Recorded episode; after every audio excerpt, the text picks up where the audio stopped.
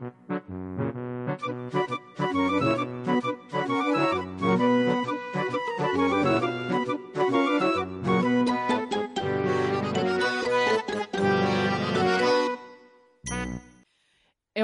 arratsaldeon edo gabon, besaulkira bueltan gara. Uda firinfaran igaro ostean, iraileko sindromeak harrapatu gaitu gu ere. Eta barkatuko didazue maider eta mijo, baina esan barik ezin nuen geratu, gure arteko lehenengo bilera online egin genuen. Hala ere, eta hau da importanteena, gaur denok batera gaude, den denok. Izan ere, jorratuko dugun gaiari gorazarre eginez edo, benetako familiak bezala maiaren bueltan eseri gara. Familia izango dugu izpide, eta irurok arituko gara solasean. Gure familiez, morbori gabe, spam, egungo familia egiturez eta horrek dakartzan implikazioez, familiaz eta familiarik ezaz, familia harremanen arabera eraikitako identitatez, eta hemen ezin dut aipatu gabe utzi Mariluz Estebanen poema ederrau Andres Arraren eh, manifestua liburuan ageri dena honela dio. Badut gurasorik, seme alabarik, bilobarik, maitalerik, bikotekiderik, ala ez.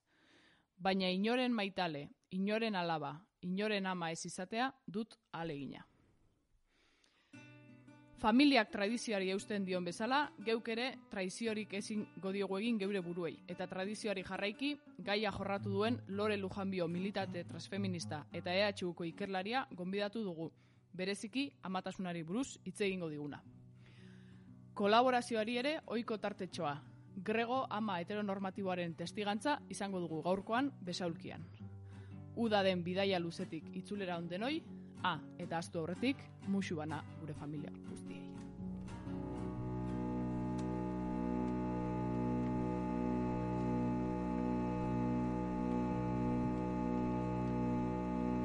Judizio generalaz nola horit ez dira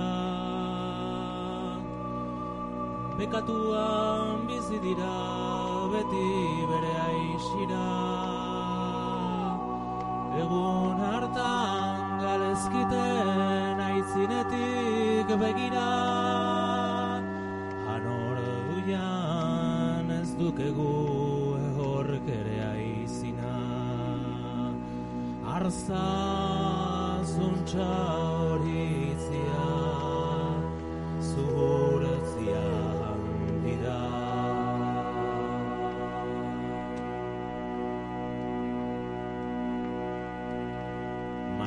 Manamendu igorten du mundu guztietarik.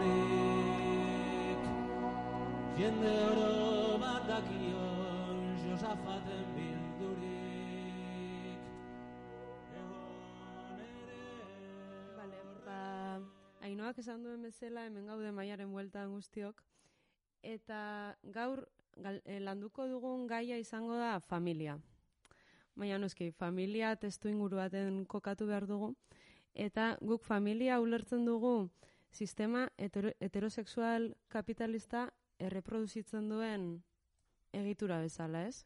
Bueno, egitura primarioa igual izango litzateke. Orduan, e, familia kokatu behar dugu testu inguru horretan. Eta zehazki familia nuklearra. E, hasieran igual historia pixka bat egingo dut, eta gero zuek joan sartzen e, e, referentzia ezberdinak. Bale, bueno, familia nuklearra sortu zen e, kapitalismoa izanean industrializazio prozesuan. Hor e, konturatu ziren e, askoz produktiboagoak, askoz produktiboagoak zirela gizonak etxean emakume bat baldin bat zeukaten etxeko lanak egiten, ez? Eza, ba, etxeko, osea, elikaduraren ardura hartzen, jantzia garbitzen, aurrak zaintzen, aldi berean konturatu ziren etxeko Andrea zegoen etxeetako aurrak gero produktiboagoak zirela e, lan mundura salto egiten zutenean. Orduan, industrializazio garaian sortzen da etxeko Andrearen figura, eta e, estatuak berak egingo du propaganda politiko bat etxeko Andrearen figura hori indartzeko eta emakumeak fabrikatik etxera e, aldatzeko ba hori produkzioaren meseetan.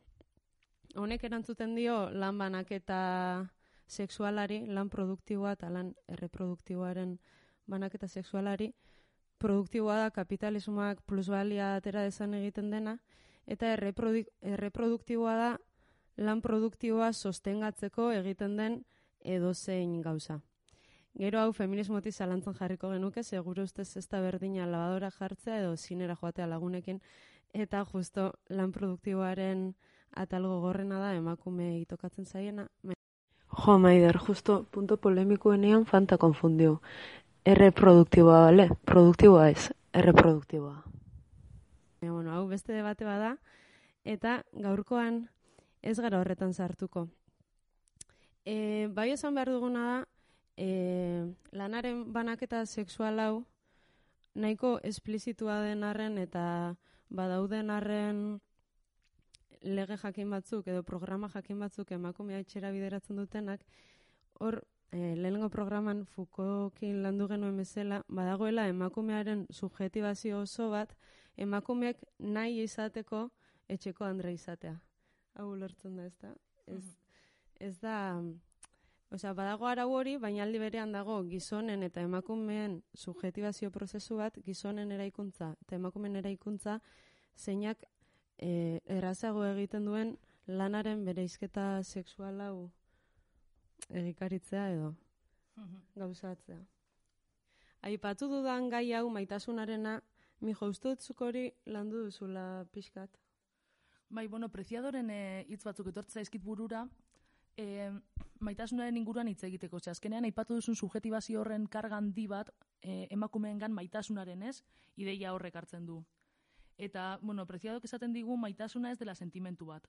Baizik eta gorputzak gobernatzen dituen teknologia bat. Desiraren gestio politiko bat, gorputzek gozatzeko eta bizitzeko duten potentzia hartu eta erreprodukzio sozialaren menpe jartzen duena. E, azkenean hori, maitasuna eskusa bat izan da bakarrik. E, eskontza kontratua estaltzeko. Esan duzun bezala, maider kapitalismoen hasieratik saldu behar izan dute emakume haien gorputza. Eta ez bakarrik lan merkatuan, baizik eta bereziki eskontza merkatuan ere, bueno, bietan e, egia esan.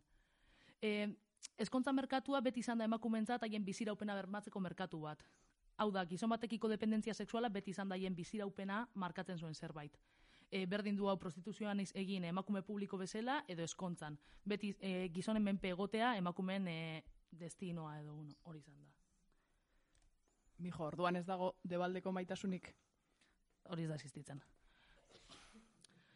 Ez, azkenean, e, sexua emakumentzat beti izan da lan, eta sexuaren e, parte garrantzitsu bat maitasunez ez altzen da.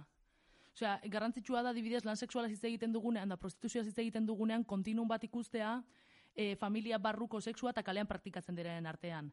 Hori, esan dugun bezala, emakume pribatuak gizon batentzako da, baina emakume, emakume publikoak gizon guztientzako. Eta emakume publiko izate hori pila bat e, ba, bueno, penalizatu eta e, bai, eta zigortu den, e, zigortu den moduan pila bat premiatu da emakume pribatu izate hori. Hau da, gizon batena izatea, ama izatea, amatasuna, eskuzabaltasuna, balore guzti hauek ez, komunekin lotuta e, datozenak. Deskribatzen ari garen sistema hau, bada pixkat fami familia nuklear tradizionalaren eredua ez, eta igual hau da Fordismoaren garaian sortzen den familia mota hori. Baina egia gaur egun eman direla aldaketa batzuk, adibidez emakumeek lan mundura jauzi egitea. Eta e, Maria Alonsok bere tesian esaten du, honek, bueno, ba, ekarri duela nolabait emakumeak gizonengandik independienteagoak izatea eta batutan feminismotik ere hause bera bultzatu da ez? Emakumeek lan mundura salto egitea.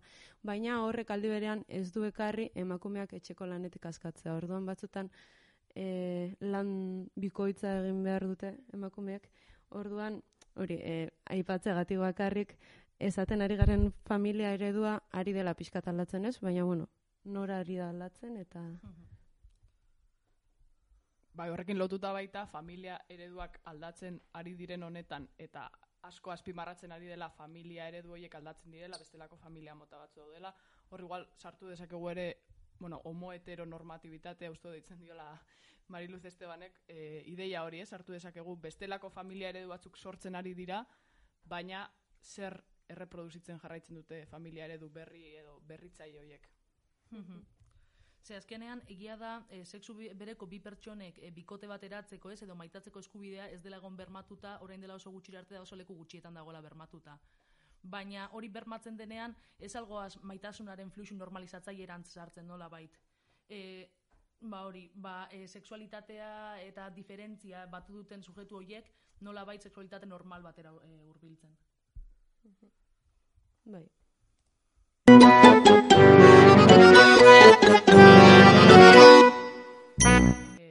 Bueno, eta badara magu denboratxo bat e, sistema heterosexual kapitalistaren erreprodukzioari buruz e, hitz egiten, baina erreprodukzio hori ez da erreprodukzio utxera mugatzen, e, aitzitik erreprodukzio hori ez egiteak, e, mijo badakartza berekin zigor batzuk edo, ezta? Erreprodukzio hori ez egiteak familia heteronormatiboak eh, nahi duen bezala. E, azkenean, e, bueno, ikusten dugu e, aurren ardura e, amengan erortzen dela e, indar gehienez, baina ama hoiek ez badute betetzen haiekiko eskatzen den papera, hor estatua sartzen da. Eta hor ikusten dugu nola bak, e, kustodiak kentzen diren, eta generalean izaten dira e, pobreziagatik, e, arrazializazioa edo paper faltagatik, eta e, bueno, ba, e, prostituzioan aritzeagatik ero e, e, edo gauza hoiengatik. Eta Bartzelonan adibidez e, bertako degaiaren aurkako talde e, potente bat dago guzti hauek salatzen dituena. Aurrekoan entzun genuen adibidez Euskal Herriko jatunaldi lodietan e, Magda epai- aipatu zuela e, Bartzelonan ja eman dela lehenengo kasua e, aurren e, kustodia kentzearena e, gordofobia dela eta hau da aurra lodiegi zegoelako eta horrek implikatzen zuelako e, zaintza arau batzuk ez betetzea.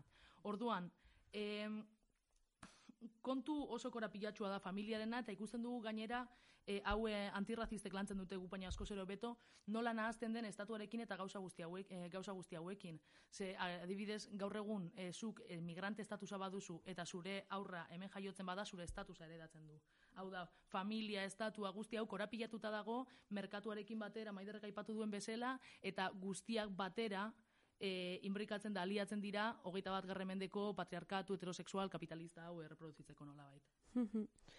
Eta hori zuk aipatuzuna kustodia kentzearena, osea hori da estremoa, baina e, kustodia kentzera iritsi gabe ere zigor sozialaren bidez badago epai konstante bat ama ona eta ama txarra bere izten dituena eta hori gertatzen da eskoletan, hori gertatuko da guraso bileretan eta auzoetan, kaleetan eta jolasparketan eta hori, osea ja e, kustodiarena da ez dakit nola esan, osea momentu jartuena ja estatua sartzen dena eta hori ja zimaz horren kontra antolatu antolatu beharko gainake, baina ho- hori baino lehenago ere dago sistema sozial oso bat ama onak eta txarrak etengabe epaitzen dituena.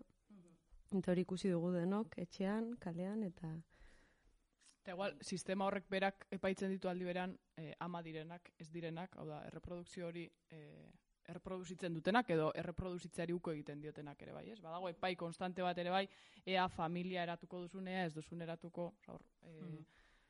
bai familia eratzen duzun momentutik, edo familia deritzogun hori e, eratzen duzun momentutik e, epai bat dago, eta beti ama ona izan behar zara, o familia ona izan behar zara, familia zoriontsua, deno dakigu ze, ze, zer saldu diguten, Hollywooden eta horrelako lekuetan. Baina ez hor bakarrik, de hecho.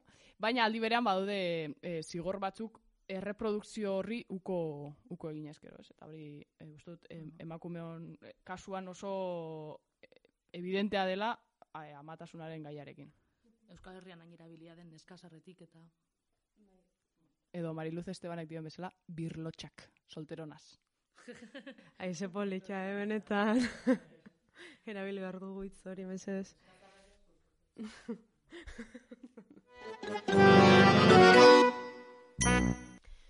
bueno, esaten ari gara familia lo peor dela, eta orduan nahiko argi dago, ba, eskondu nahi ez duena zergatik ez den eskontzen, ama izan nahi ez duena zergatik ez den ama, baina hala eta guztiz ere azako familia sortzen dira etengabe. Ainoa, zergatik, zergatik reproduzitzen da egitura hau behin eta berriz. Bueno, horren zergatia e, erantzun beharko banu, ez dakit, metafizika beharko nuke, baina, e, bai, ari gara esaten e, familia, bueno, familiari kritika bat, o, bueno, familia ulertzeko dugun moduari eta, e, ongo dirako beste modu batzuk ere, dugun modu kapitalista eta heteropatriarkal honi kritika bat egiten ari gara, eta esan dugun bezala, ba, bueno, kalte, kalte egiten digun instituzio bat da, baina aldi berean, e, komentatu izan dugu gure artean ere, ez, nola etengabe e, guk geuk ere, e, bai, individu bezala, bai, e, jendarte bezala, une oro bilatu izan dugun familiaren babesa. E, familia e, da beti horra egongo den zerbait, familiak ez dizu faiatuko, familiak beti irekiko dizkizu etxeko ateak, familiak emango dizu dirua, emango dizu zaintza, e, utziko dizu kotxe bat, aldi berean zuk ere beraiei e, hori egingo diezu, ezta? Baina e, horrek, babes horrek berak, aldi berean zeinen argi e, eta babes horri diogun begirunea e, apartatu gabe edo, zeinen argi adierazten duen familiarengan bilatzen dugun babes horrek, familiarik ez dutenen babesgabetasuna. Ez? Hau da, e, familian oinarritzen badugu babesa, non daude familiarik ez dutenak, non daukate babesgunea hoiek. E, berdina, o, bueno, antzerakoa gertatu daiteke familiaren e, protoa den bikotearekin, ez? E, bikotearengan babesgunea bilatzen dugunean, edo bilatzen denean, bikoterik ez duena hortik kanpo geratzen da. Babesgabetasun egoera baten gertatzen da. Eta, bueno, lehen ere komentatu dizueta usuei, baina oso e, sartuta nago kuadrilaren e, kontuarekin, eta uste dut e, familiak, familiaren erreprodukzio antzerakoak egiten dituela kuadrilla ulertzeko dugun moduak ere.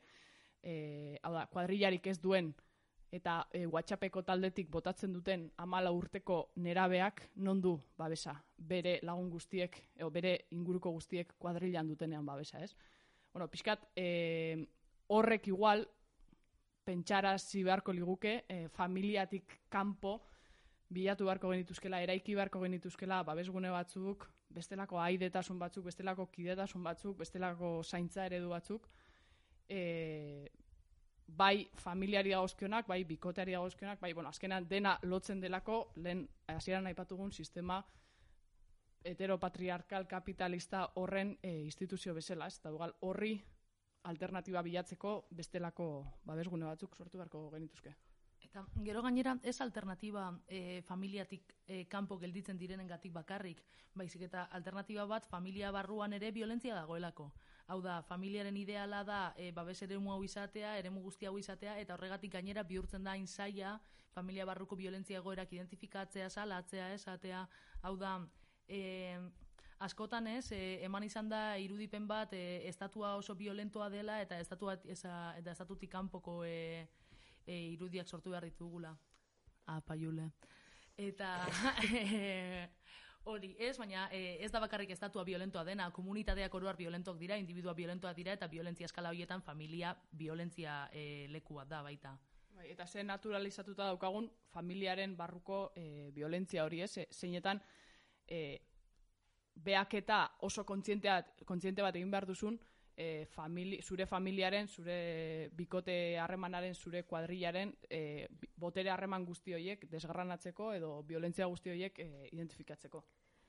Bai, eta hain eremu violentoa den arren guztiz idealizatuta dago gizartean. Eta adibidez, Zara Ahmetek honi buruz egiten du, honi buruz hitz egiten du. E, esaten du, Hori, hain idealizatuta dagoen egitura denez, opari bezala ematen digutula ez, badirudi familia baten jaio izena eta gainera familia normatibo baten jaio bazara, opari bat dela ez, eta eta kriston mierda dela jaiotzea e, familia desegituratu baten, edo, ba hori, familia normatiboa ez den, beste edozein egituratan orduan, opari bezala ematen zaigunez, gaude e, bideratuta opari hori erreproduzitzera berriro ere beste opari bat emateko gure ondorengoei. Orduan, e, bueno, Ahmedek hortaz hitz egiten du eta e, hortik azaltzen du zergati den aingo gorra batzuetan ba, jende kuirrarentzat edo ba, hori transmariboio jendearentzat edo ba, familiarekin Osea, bera, beraien autuak egitea ez, edo lagunekin bizitzea betirako eta ez sortzea familiarik, edo aurrik ez izatea ez, badiru, badiru dielako e, familia ideal horren e, jarraikortasun hori hautsi egiten duzula, eta ari zarela nolait opari bati uko egiten. Eta, bueno, ez da opari bat. Bueno, ez eit iruditzen. Bai, mijo. Eta gainera, e, bada leku bat e, oso gutxitan identifikatzen duguna, ez, teoria kuirretatik. Hau da, asko lantzen dugu beste harremantzeko modu bat garatzea e, gure bikoteekin, gure e, lagunekin eta gauza guzti hauek, baina oso gitxi ikusten dugu e, nola zelako harremana landu gure e, familia originarioekin, ez dakik gure gurasoekin, gauza guzti hauekin. Azkenean, e, nik gizon ia ororekin apurtzeko autua egin dut, baina nire eta gaixoatzen bada ziurrenik e, herrira itzuliko naiz.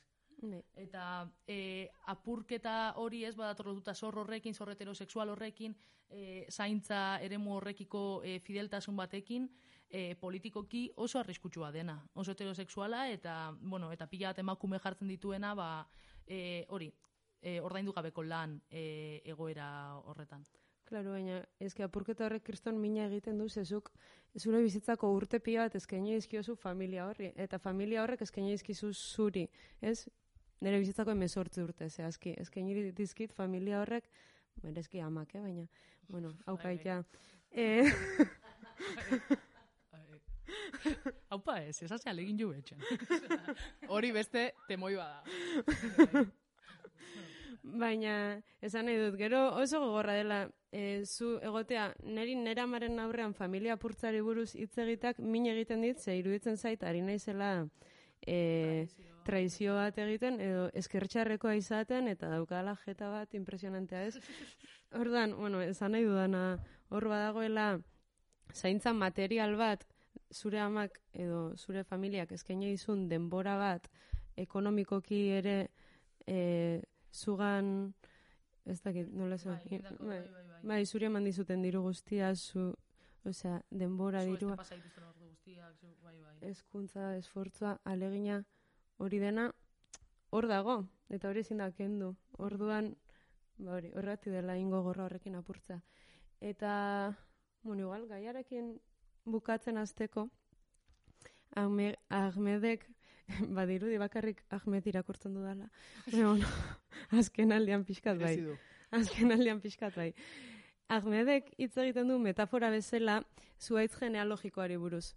Eta berak azaltzen du nola odoleko loturak vertikalki marrazten diren, ez? Ba, gurasoak, semealabak, aitonamonak, hori dena vertikalki marrazten da. Eta gero lotura politikoak edo ez direnak odolezkoak horizontalki eh, horizontalki marrazten dira. Ba, hori, bikoteak eta dena delakoa. Edo bikotearen bikotea eta, bueno, beste lotura ez odolezkoak, ez? Orduan, Ahmedek e, proposamen bezala dotatzen du metafora, metaforikoa da, baina metafora honi lotuta sortu beharko genituzkela geroz eta e, lerro horizontal gehiago gure artean eta ez hainbeste lerro vertikal. Eta bizkat hortik doa ere, ez? E, Jaraueiren e, e, aideak egin eta ez aurrak e, ideia hori ez. Beste aidetasun mota batzuk sortu, beste e, harreman batzuk indartu. Gainera, bueno, Jarauein proposamena azkenean e, gizaki eta ez gizaki. E, ja, ba, bueno, komplexutzen doa, ez? E, azkenean antropozentrismotik irteteko proposamen bat ere izan daitekelako familiaen apurketa.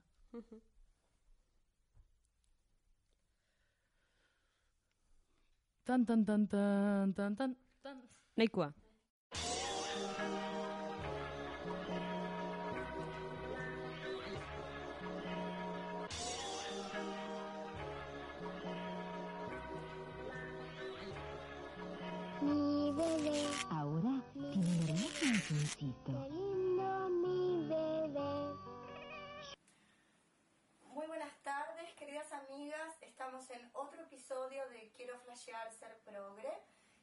Ocasión vamos a estar hablando de las maternidades subversivas.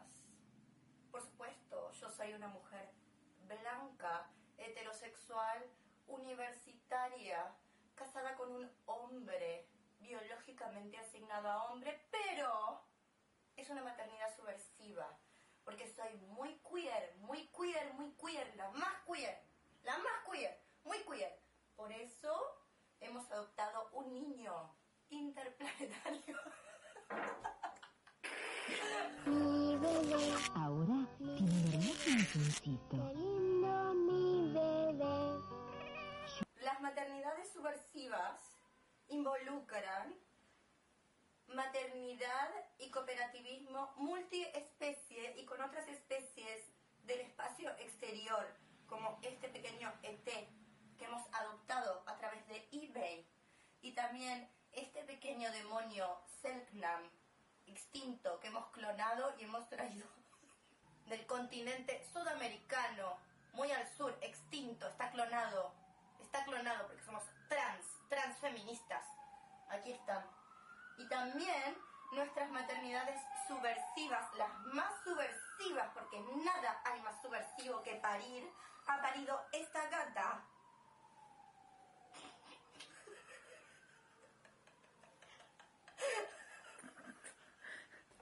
Nuestro acto de terror post-queer. Parto. ¿Que qué? ¿Que el aborto? No, el aborto acá no importa. Esto es Europa. Abortan las pobres en Latinoamérica, abortan las pobres en África. Aquí no, aquí maternidad subversiva, niños interplanetarios comprados en eBay, clonado, maravillosa literatura. Bebé, Ahora tiene un hermoso bebé.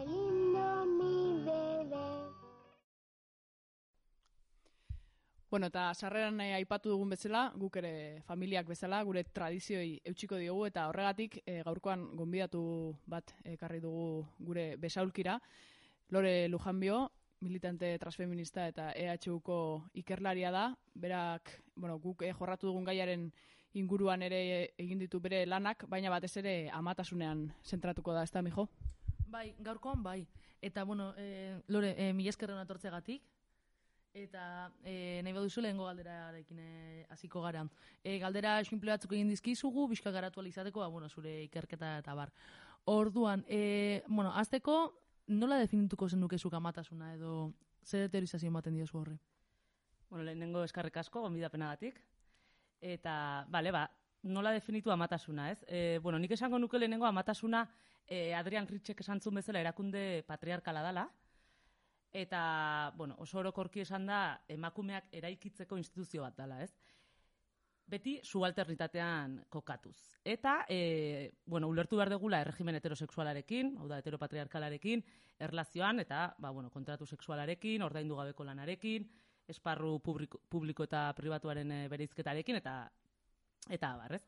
E, diferentzia sexuala etengabean naturalizatu egiten da, eta baina nik esango nukena gainera da, amatasuna badala esparru bat bereziki biologizatzen eta esentzializatzen dana emakumetasuna, ez? Gizon emakume diferentzia hori, eta naturalizazio hori egiten da medikuntzatik, antropologiatik, psikiatria edo psikologiatik, teoria ekonomikotik, erligiotik, estatutik, hainbat eta hainbat eh, eremuetatik. Eta baita eguneroko diskurtsoetatik, eta baita ere zenbait diskurtso feministetatik. Nabarmenduko nuke eh, amatasuna dispositibo heteropatriarkal bat dala, dispositiboa Foucaulten zentzuan, em, hau da, horrekin, e, bueno, batetik Europako modernitatean agertu zela, baita e, patriarkatu kapitalista eta kolonialistarekin batera, amatasun normatibo hau da, ama ona ezartzen danean, e, arauoiek burges eta eta zuriak direla, ez? Eta orduan etengabean bir sortzen dela e, e, maiakatze hori. Eta e, dispositiboaren nozioan ikuste dut garrantzitsua dela, nabarmentzen laguntzen dulako amatasunaren ekoizpen disiplinario eta biopolitikoa gertatzen dela. Ekoizpen disiplinario eta biopolitikoak Foucault esan zuen bezala, e, implikatzen du boterea ez dala kanpotik e, gehitzen dan zerbait. Baizik eta boterea gorputza hartzen dula eta e, gorputzak erregulatzeko e, eta gobernatzeko mekanismoa dela, ez? Eta horrela diskurtsoek ere e, gorputzak esan nahitzen dituztela, e, portaerak bideratzen dituztela, eta eragiten dituztela desirak, minak, pertzepzioak, autoidentifikazioa, beldurrak, beharrak, e, pra, praktika osasuntxu eta ez osasuntxuak e, arautzen dituztela, eragiten du kulpa sentitzea, eragiten du e, ama on hor, kategoria horretatik kanpo kokatzean e, kulpa sentitzea, e, ez dakit e, titias emateko e, behar e, bat sentitzea, eta behar horiek erraietatik hainbat adibide daude, ez? Esan da, hainbat e, erraietatik sentitzeak ez du esan nahi ez daudela erregulatuak. Eta bestetik baita ere, esaten nuen e, ba, hori ez, joera esentzialista horrekin, ba, bai, bueno, e, Simon de Beauvoirrek esan zuen bezala, ez, emakumeak ez dirala jaiotzen egin egiten direla, amak ere egin bilakatu produz, produzitu egiten dira, ez. E, aldi berean, baita ere, e, amatasunak emakumetasuna, feminitatea bera esan aitzen du. Eta e, horrela, ba, emakume zaintzailearen e, muin semiotikoan aurkitzen da amatasuna, eta horrekin lotuta zerbitzari izatea, otzana izatea, besteen beharrak e, lehenestea, eta barrez. Eta horregatik, ere, e, horrekin lotuta, ez, ba, e, emakume ugari, naiz eta aurrak ez izan, edo, e, ez, zentzu horretan ama ez izan, ba, beraien e, mutilen edo senarren amak dira, ikasleenak, lankidenak, beraien aitenak, eta barrenak, ez? E, modernitatean ezarritako eredu horrekin, emakumeak e, bilakatu zirelako gizartearen herriaren e, amak, ez? Eta noski agertzen da ere, ba, e, txikitatik e, amaketetan jolastearekin, eta bar, ez? Osa, feminitate eta e, emakume zaintzaile hori bera esan aitzen dula zentzu guzti horietan, ez? Aita, ama, zenbat urtekin ezkonduko naiz, txikia naiz eta ez dakit. Bi, iru, lau, bost, sei, zazpi, zazpi bakarrik? Hala. zeinekin ezkondu biza. Hori eta gero kontrako da. Berrogeita bost. Ala, ze zarra.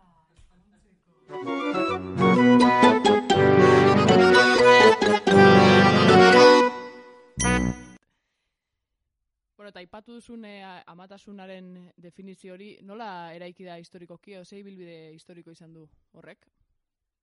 Bueno, oso orokorki esan da, ibilbide historikoa dagokionez, eh, esango nuke gaur, gaur egun eh, gure mendebaldeko gizarteetan eh, amatasun eredua, aipatu duten eredu hori, guztiz naturalizatua dagola, baina eh, haren erdiguneko elementuak Europako modernitatean ezarri eta edatu ziren. Egia da, er, ba, herrialde herrialde ez zirela prozesu linealak izan, baina hildo orokor batzuk eh, ba, nabarmendu ditzakegu. Batetik, begiratzen badiogu Europako antzinaroari eta mm, erdia, erdiaroari oso modu orokorrean, Romako patria potestat, edo pater familia aipatu ohi denak, e, domusa, e, bueno, antzekoa izan daitekena, Greziako oikosarekin alderatzen badegu, hau da, publiko-pribatu bereizketa etzegoen ez ezarria ordaindutako eta ordaindu gabeko lanarekin, ezin da guztiz e, identifikatu gaur egungo familiarekin, baina, ba, bueno, familia esparru e, eremu hori hartzen duen e, hori bezala ulertzen dugu. Vale, bertan, kontua hori da, ez? Gauza, animalia eta pertsonen gaileko aginte osoa ematen zitzaiola aitari. Bai? Hortaz, e, ondoren, hau lotu nahi zergatik, e, familia heteronuklearraren e, eraikuntzarekin, e, modernitatean zehar eta estatu nazioen e, garapenarekin, gertatzen da, estatuen eskuartzea onditu egiten dala, eta zentzu horretan e, botere hori mugatu egiten da, baina egiten da transformatu eta berrezarri e, familia horietako aiten boterea ezartzeko, eta aldi berean esku hartze horiek erabiltzen dira baita ere, gero e, adibide batzuk gehiago aipatuko ditut, baina erabiltzen da emakumeak disiplinatzeko. E, bai, familia ezartzen da esparru ez ekonomiko bezala, esparru pribatu bezala, hori berria da baita ere, eta e, bertan estatuaren esku hartzea hainbat modutan erabiltzen da, beste mekanismo batzuekin, emakumeetan amatasun e, eredu hori eta e, zaintza, aurren zaintza egokia mm, edatzeko, ez? Eta zentzu horretan emakumeak disiplinatzeko. Bestetik ere, uste oso garrantzitsua da kontutan eukitzea, e, antzinaroan eta erdiaroan emakumeak behartu egiten ziala ezkontzera eta aurrak e, eukitzera, ez? Gero, e, modernitatean eta bereziki gaurko testu inguruan erdiguneko leku hartuko du e, desirak eta erabaki askeak, eta baita ere maitasun erromantikoak, gaur egun daukaguna erraietaraino sartua eta iruzen zaiguna guri marziana da bat, pentsatzea, ezkonduko zehala, behintzat horrela nabarmenduz, ez zaudela ez dezula maite pertsona hori, edo e, amatasun egokian, osasuntxuan, e, ba, ama izatearen desira erdigunekotzat kontsideratzen dugu gaur egun, ez? E, testu inguruietan, hau da, antzinaroan edo erdiaroan, guztiz, ba, e, e, etze, bueno, guztiz arraroa izango litzateke, justo e, ezkontza baten arrazoi nagusia maitasuna izatea, edo e, kontutan uki behar dugu baita ere, e, amaren maitasuna etzela existitzen familia, aipatzen duen nuklearraren e, aurretik, ez? Hortaz, e, bueno, maitasun erromantikoan oinarritutako familia eta amatasun hori, ba, anomalia e, kultural eta historikoa diala kontutan uki behar dugu. E, bestetik ere oso garrantzitsua, modernitatearen aurretik, aurren hezkuntzan ardura etzegokion soilik emakumeei. Gizonen lekua eta aitaren lekua askoz ere garrantzitsuagoa zan, eta baita ere, e, hori ere industrializazioakin eta bar transformatzen da, em, ba, zenbait lanetan e, dagoen behar eta denborarekin lotuta, ez? Baina esan etena da, emakume horiek e, askoz ere zeregin gehiagotan aritzen zirela, ez? Ba, zegoen lamanak eta sexual oso zurruna eta gizonen boterea e, oso oso zurrune ezarria, baina ez zegoen zentzu horretan amatasuna emakumen erdiguneko identitatea izatearen e, nozio hori, ez? Eta e, baita ere gainera aur bakoitzari eskaintzen zitzaion denbora, ba askoz ere urriagoa zen edo transformatu eginda hainbat e, aldaketekin lotua, ez? Bueno, zentzu horretan esan bezala, ez? Ja modernitate Europako modernitatean sartuta, ba hor eraiki ezarriko da eta bereziki edatuko da ama e, beti besteentzat izango dena, sekula beste bere buruan entzat ez dana izango, emakumearen erdiguneko identitatea izango da ama emazte izatea, eta e, amatasun intentsibo horren eraikuntza hasiko da, ez? E, nun ba, bere jarduera nagusi eta garrantzitsuena izango da aurroiek zaintzea eta eta eztea. Horrela, hemen e, ba, arduretako bat izango da aurrak disiplinatzea. Aurrak disiplinatzea beti ere subalternitatean aipatzen genuen estatuaren esku hartze horrekin, medikuntzarekin lotuta eta gizon senarrarekin lotuta. Beti ere em, subalternitatean kokatuta. Baina egia da, eta uste hori ere interesgarria dela, e, ba, gertatzen dela amei e, edo emakumei e, eskaintzen bazaie autoritateren bat edo rekonozimendu bat ama izaera horretatik dela, ez? Eta orduan aurrekiko botereren bat eukitze horretatik, naiz eta dan subalternitatean e, desjabetuta eta bar, e, eragiten dula ere e, leku horrekiko ba, txikimendu bat, ez? Em, horrela gainera esan, adibidez, gaur egun oso oso ba, baitaren naturalizatuak eta edatuak daudenak horrela izendatu edo ez, adibidez, amaren instintua, e, amek e, aurrak maitatzea behaien buruen gainetik eta kondizio hori gabe eta ja bere horretan, ez, e, erditu dituzulako maitatu maitatzea eta bar, guzti horiek ere, ba, bat bat emeretzi garren mendean e, sortu ziren, baita ere emeretzi garren mendean agertu zen e, fetua, ba, lehenengo aldiz e, kontzeptualki amaz aparteko bizitza bezala, e, bir sortuz sujetua ulertzeko modu liberala, ez? Hau da autonomoa, e, hainbatetan kritikatu duguna, eta gainera horrela emakumearen gorputzak guztiz aspiratuz, sujetu horren osasunaren, segurtasunaren e, azpitik. Lotuz noski, abortuaren penalizazioarekin, aurdunaldiaren medikalizazioarekin, eta e, hainbat adituk e, et, mm, etengabean e, adieraziko dietenez e, emakumeei nola portatu behar diren, nola e, zaindu behar dituzten aurrak modu egokian, ez? Baita ere hor erdiguneko bueno, horresatea ere gainera amatasun e, barkatu, e, amatasun instintuai dagokionez, historikoki etengabean aurkitzen direla kasuak infantizidio, abandono, abortuarenak eta bar, bertan bera uzten dutenak e, instintu hori existitzen denik horrela ulertuta, noski guztiek daukatena, e, naturaz modu alda ezinan, eta edozein testu ingurutan, zure bizitza aspiratuko dezula eta arriskatuko dezula pentsatzea e, aurroiengatik, ez? Eta beti izango dela e, gainera maitasunetik eta bar. Eta e, baita ere familia lotuko da, ba, esan bezala, maitasunarekin, babes e, gunearekin, ba, merkatuaren e, ere musital eta egoistaren aurrean oposizioan, ba, idealizatu eta sentimentalizatu egingo da.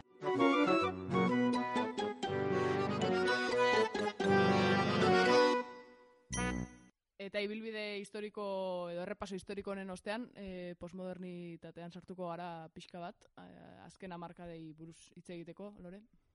Bai, em, hori da, ez? Esan dezakegu, ba, eh, modernitatean, patriarkatu kapitalistaren zarpenarekin, ba, eraiki zela familia heteronuklear hori, nun, naiz eta etzen eh, kasu guztietan e, e, bir sortzen edo gertatzen, gizon aita izango dan soldatapeko lana daukana, eta ama emaztea e, ordaindu gabeko lanean e, ari dena, ez?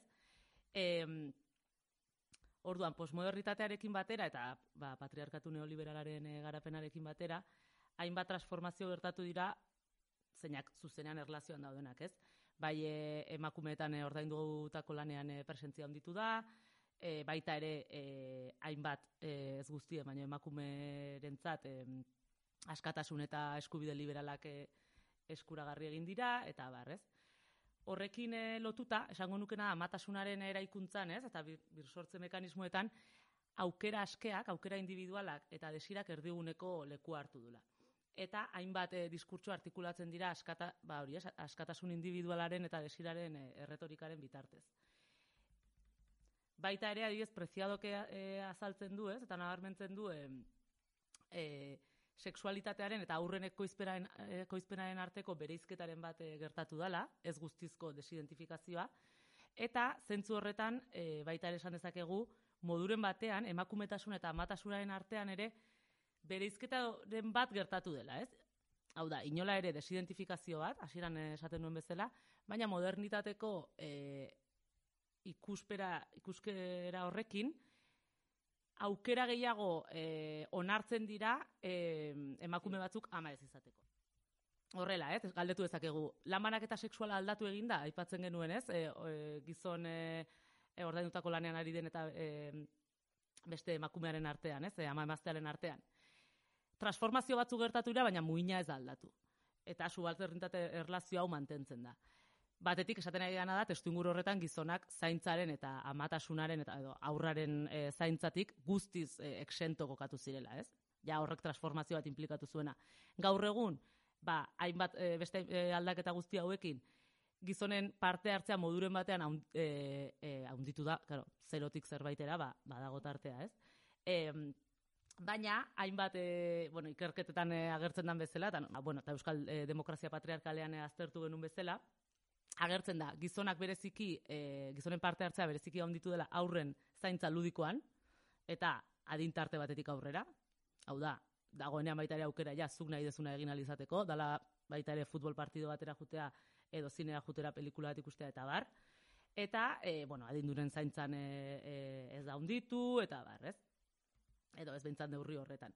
Hortaz, horra gertzen zaiguna da heteropatriarkatuaren berkokatze bat, eta, e, bueno, maskulinitate normatiboan gaur egun onartzen dala e, zentzu horretan, ez? Parte hartzeren bat eukitzea.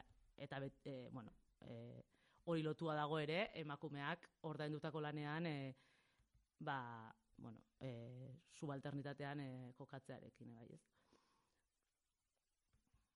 baita ere hau lotzen da sekuritate gizarteen e, zabalpenarekin. Fukok e, aztertu zituten e, sekuritate gizarteen zabalpena. Hau da, etenga, gizartean etengabeko beldurra e, eta arriskuen e, ba, prebentzioak eta aurreratzea jartzeko mekanismoak e, zabaldu egiten dira, eta horrekin lotu daude ba, seguroak eta bar, seguro pribatuak eta bar. E, eta hori aurrekin, oso erdiguneko egiten da ere, amak e, disiplinatzeko etengabeko beldurra eukitzea, aurren e, arriskuei dagokionez. Eta hori ardunalditik hasten da. Eta e, aipatutako e, amatasuna zurrunago egite hori agertzen da baita ere, ba, medikuek e, ez hartzen dituzten e, dietetan eta e, egin beharreko jardueretan, eta e, gainera baita ere oso e, ageriko egiten da, aipatutako, ez, modernitatean e, medikuak eta e, mediku eta gizarte lanaren arteko e, aliantza horrek eragine e, handia aukizutela, eta e, gaur egun, e, mediku eta estatu ez e, gain, eta horien esku hartzeaz gain, ba, sare sozialak, e, komunikabidetako diskurtsoak, hainbat psikologo, psikopedagogo, eta e, aurdunaldiak eta zaintza egokia ba, aurrera eramateko prestatzeko taldeak, eta barrek, e, portaera, hau da, amatasun egoki, osasuntxu hori, e, bideratzen eta erregulatzen e, dutela, ez? Eta baita ere, autolaguntza testuak, eta bar, kristolako, kriston e, zabalpena gertatu da diskurtso guzti horietan, ez? Hortaz, eh, hainbat mekanismo transformatu egin dira, baina esaten nuen bezala bereziki, ba, eh, pentsatu dezakegu ere botere mekanismo asko findu egin direlako.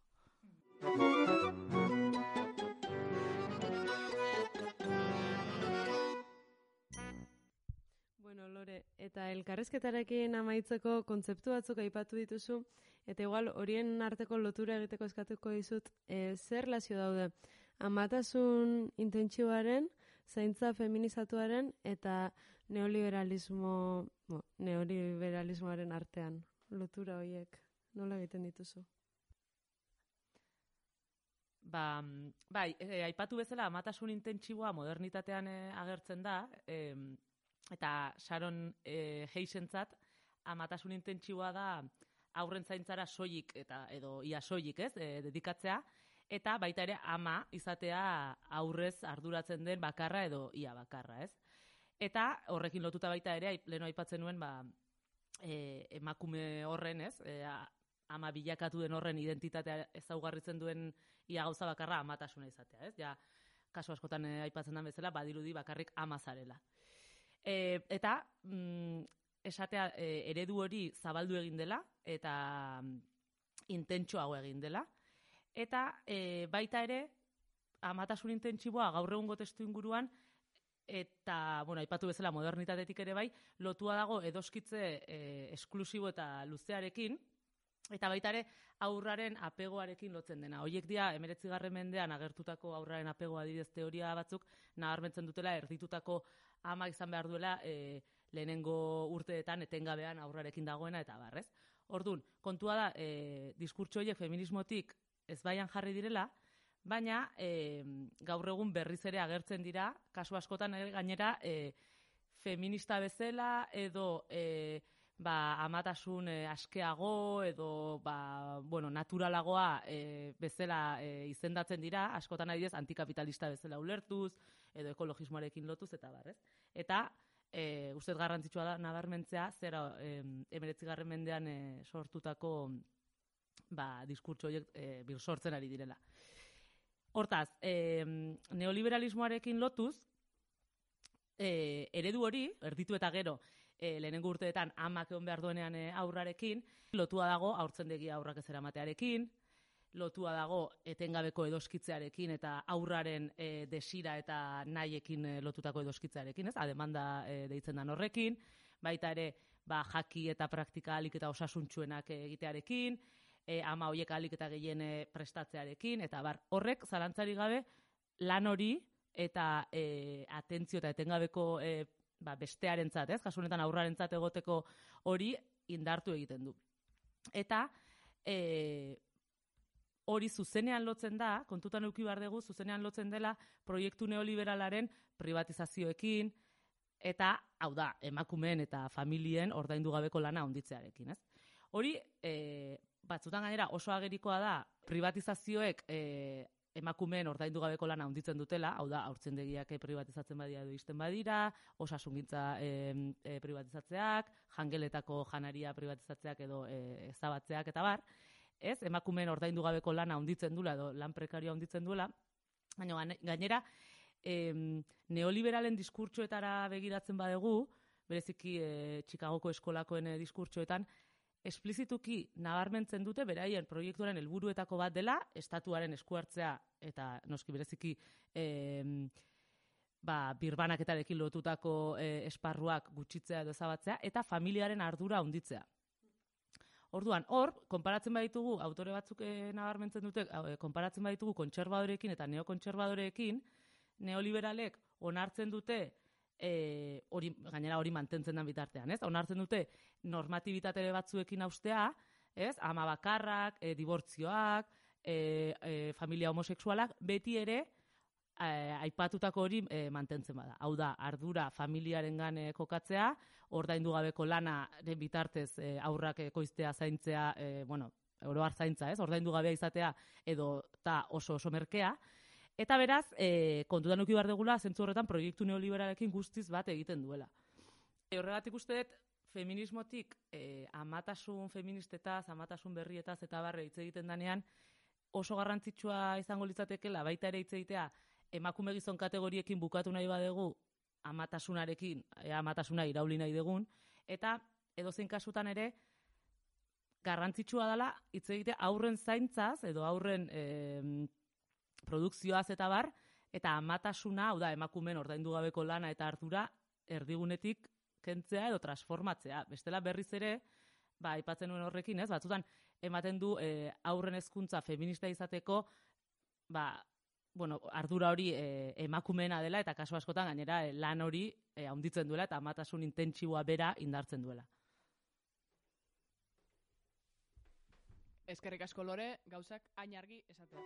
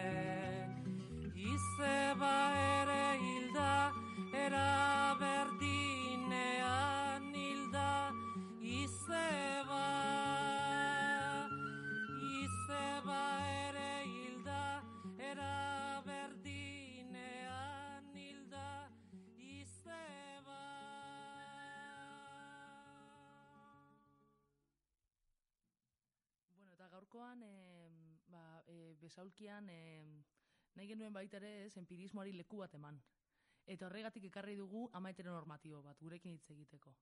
Ongi etorri, Grego. Ongi etorri? Bera, eskarrik asko, eh? Eskarrik asko eskertzen da, baina bida, ni testigantza ematean entorren, ondo, eh? Ondo, porque ni gai nere bizitza ideala kontatuko jet, eta, karo, entzun nindet, eh? Zuek esan dako guztia, eh? Zuek hori ze testigantza nahi zuen kontatzea, eh? Ze, ze nahi zuen, zehazki? Osa, ze zan zuet, eh? Porque, me, eh, osa, iruditu zait, super fuerte, super fuerte, eh? Super fuerte. Ze zateia zuen, en, engañatuta izan naizela? Pues ez dakit, osea, claro, eh? Osea, trampa bat iruditu zait, encerrona antzeko zerbait egin diazu, eh? Ni bain ere heteronormatibitatetik ze ze esan- ze esan bezuet. Maita, maitasuna ze esan du bestiak. Ez maitasuna, eh, ez, ez, ez truke, eh, ez da existitzen. Meses, eh? Meses, osea, ni, ni ma, maite mindut eskondu nintzen como la que más. La que más. Osa, are gehiago, ni, aizu, ni feminista, eh? Feminista, gero bestiak, ez feminismoa guaina. Oye, mira, osea, gauza gehiagi dira, eh? Ni, ni, ni, gero, claro, oain da, da, daukazu epaia, eh, ja, ja, ja, gizarteak eh, sortzen duen epaia, eta bain feminismotik ere, osea, ke, ke, ke las daude mazeuteta. Osea, e, eta horrekin zuaizea neoliberalismoa fomendatzen, oira entzuni behar deu, eh? Bueno, txenbarkatu, eh? Igual, igual, eh, eh, baina, ah, porque, porque ni, a, a, osea, ni eskondu maite minduta, maite minduta, ni esan dizuet, feminista naiz, bueno, ez dakit, oain, baina naiz, eh? Eta orduan, nik, eh, osea, saiakera pila initun, eh? Ez, ez zan lehenengoakin, eh? Ni ez naiz nire ama, eh? Kontuz. Orduan ja, azkenekoa, esan nun, hau bai, Hombre, también denbora kontu bat zan. Osa, zenbat bertezu bilatzen, zenbat denbora. Porque, claro, nik, ba, beti da, nik ezkondu ziren da zoriontsu bizi izan ziren. Zu, guain esate jazu, oi, oi, izan dela, eh, gure gorputza kontrolatzeko. Maitasune romantikoa, posmoderni- posmodernitatearen eh, estrategi, estrategia bat, est, estrategia bat izan daiteke. Eh, algo que tú sientes, eh? O sea, de dentro, eh? Porque, Oi, estrat bueno, pues estrategia izango da edo, eta ordu hoi, eta eskondure ez, eh, eza feminista naiz, eh, ni pareja de hecho. Hombre, Eta gaina, gonbidatu gabe eta ezer, osea, ¿sabes? Hola, a lo loco, eh, eh? Eta gero umiak, pues txika, eh, eh, pues, eh, etorriz, bueno, etzian etorri, osea, etzian, nik ez nitu nahi, zehaz, a, a ver, ez nitu nahi. Baina zein behazu, ja, hasi zea, zeitezu, hor bukatu, zure bizitza da eskondu. Eh, ja, hombre, guain dik elitzen zaizunarekin, pues, eh, ezer beti merko zu, eta orduan, pues, umiak, umiak, eta, o, ba, zure bizitzaren onena izan behar du, eta, bueno, onena, a ber, ni ondo pasatakoa naiz, eh, esan behar dizuet, eh?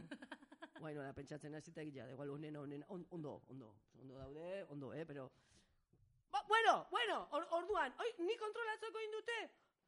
Pues ez, ez dakit, Ze, parranda gutxi joitetela? Normal, no?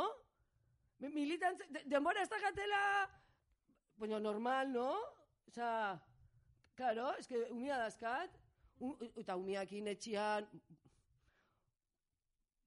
bueno, Ja, eh, bueno, bai, egila da, es- esaten zuen militantzeko gutxillo, eh, nik eh, aitortu behar dut, eh? Nik guraso el- elkartean sartu nitzan, umei afaria emateko. Osea, que igual bestera batea bidatuta, igual da amatasuna militatzen hasteko eh, momentu bat, porque ka, egila da hortako euki behar dezula norbait etxian afaria ematen, ez? Claro. Orduan, bueno, orduan importantena. A ber, ja, eh, nere, nere laburpena. Txika, zema gauza interesgarri esan dituzuen, eh? Baina, karo, de shock, nagoin shock. Osea, nik, nik guzti hauain, ez dakizu, li, li, lixerik eta, hola esatea, ez? Oi, inbiet, eh? Baina, egia esan, a ber, oain dago un panorama, eh? Que ya, ya de lejos dator, no? Confort, ez? Ford, Fordismo, esan dezue. Horti dator. Orduan, hau iteko, erarik, hola, e, e, ez da gero zuk, hola, e, e, esentzialismoa, ama, emakumea, ondo aukeratu behar da etxean dakasuna. Hoi argi dago. Orduan, gizon hegemoniko bat bada, la llevas clara, que te pasa mal, ez baldin bada, naiz eta gizona izan, ez dizut, eh? Baina, hobeto, porque horrek e, uste izu zuri denbora aldeiteko. Grego, em, e, jarraitzeko, e, zuk ez, zenbat ordu dedikatzen dituzu egunean gutxi gora bera aurren zaintzari edo... Zenbat ordu? Ze, baina ordutegi aldo, ez ordutegia. Mesedez, oi, oi, oi, kontabilizatzen astea ere, zenbat ordu, zenbat ordu. Pues, asko. Denak. Hogeita lau zazpi, porque ez daudenian ere horrekin zaude. E, egila da, eta parkian bat zaude, nite kuento. Gero ja, parkia usten estezianian, hobeto, oire bai, eh? Hobeto, porque, eh, haure esan imiaret, osea, amatasuna individualki gogorra da, ez? Baina plazan gogorrago. Badakite, hau hola ondo, porque, claro, neoliberalismoa badirudi sustatzen nahi naizela ni bain individualismoa. Mesedez, eh? Ez, ez da hoi, eh? Baina ama asko elkarrekin, por favor. Denak irakurri du pila? Denak dakite pila? Denak, oi, ze jaten, ze mate jozun jateko ere, zu merienda sistrin batekin eta, bestia dakat dena. Proteina, hidrato, den, dena. Eta zu, hor, zure, betiko bokailo txorizo, ez dakit, ze- horrek ze arazo daka. Pues txorizo mal. Eta ogilare mal, pues dena mal. Orduan, ila hobeto, etzuk etxian, ite jozu bokailo txorizo, eta etzea, ez dituzu aurpegik ikusten, ulertzen? Orduan, baina demora, ba, ba, bai, asko, asko, bai, asko, dena, dena, gehiegi, insoportablea da. bueno, Grego, orduan, e, zuk uste duzu aurrak izatea mundu guztien, mundu guztierentzako gina dagoen zerbait dela? eske, galdetxia ere, galdetxia ere, oi, mundu guztiantzako ina do, eske, o, zenbatek pentsatu dute hainbeste, oi, oi azteko, guain pentsatuta jarri, pentsatzen jarrita, guain, dakidan guztiarekin, ba, bida, a ver, bizitza interesgarri bat daukazu, eh, ez euki. Ez dizu asko ze interesgarriago egingo, oie, bai, guain, zaudela, ja, bizitza, pf, ez dakizula zertako, pues txika, bueno, pues al lío, eh? Guain, kaina, eh? Gogorra, eh? Buah. Eta gomendatuko nioke, eh, ama, ba, ba, aitak berditzaizki guaintxe bertan, guaintxe bertan, eh? Gero oso importanteak dira, eta a ber si espabilan, eh, bai? Baina, guain nik, hola, ume bat eukitzeko asmotan dagon, ba, feminista edo, programa hau entzutea gomendatuko nioke. Eta gero ja, zu ja sartze bat ze hau entzun da gero, aia kuidauz. ya está. Nik ez nun entzun. Eta ja, pues, eh, eh, retroaktiboa ez da, ez da, hau ez da. Ja, ja behin hasita, oi bai, oi bai, oi bai. Behin eukita maitatu, oire, bueno, maitatu, ez dakit, ez dakit, maitatu da nitza, porque, karo, ma, maitasuna, e, e, ez da sentsazio bat, da, ez dakit nola ditu dio zuen, pero ez da, oza, invento bat da, Dominazio teknologia. bueno, pues dominatu teknologikoki zuen umiak. Ola itzeiten hasi badeu, pues ola itzengo deu, eh? Dominatu teknologikoki, eh? Eta domestikatu ondo, albada, eta mm, politika, be- bestiak ere erabili ditu, eh? De, pues eso, de, de, mm, bueno, zuzen jarri, eh, goxo, ez jazta, eh?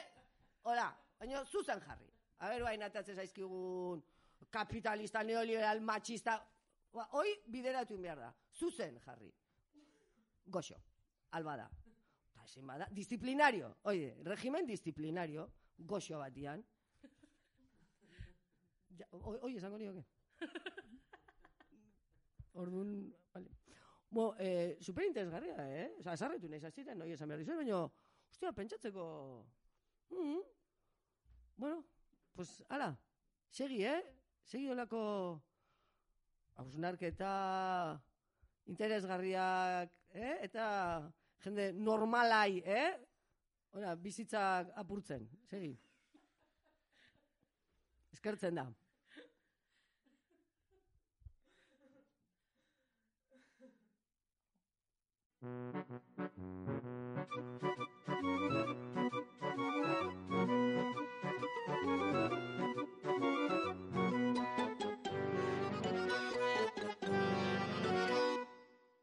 Besaulkian, heterosexualitatearen oinarri diren amatasuna eta familia landu ditugu. Bukatu baino lehen, eskerrak eman nahi dizkiogu gure amei, da gure bizitzako emakumeei egin duten lan ikustezin guzti horrengatik. Baina badugu mesutxo bat. Oraindik dudatan bazaude, oraindik e, ama izan edo ez zalantzak badituzu.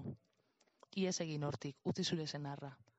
Aukera askoz ere politagoak daudelako munduan. Ez bitarra, kuirra transa, marika eta boiera. Ez bitarra, kuirra transa, marika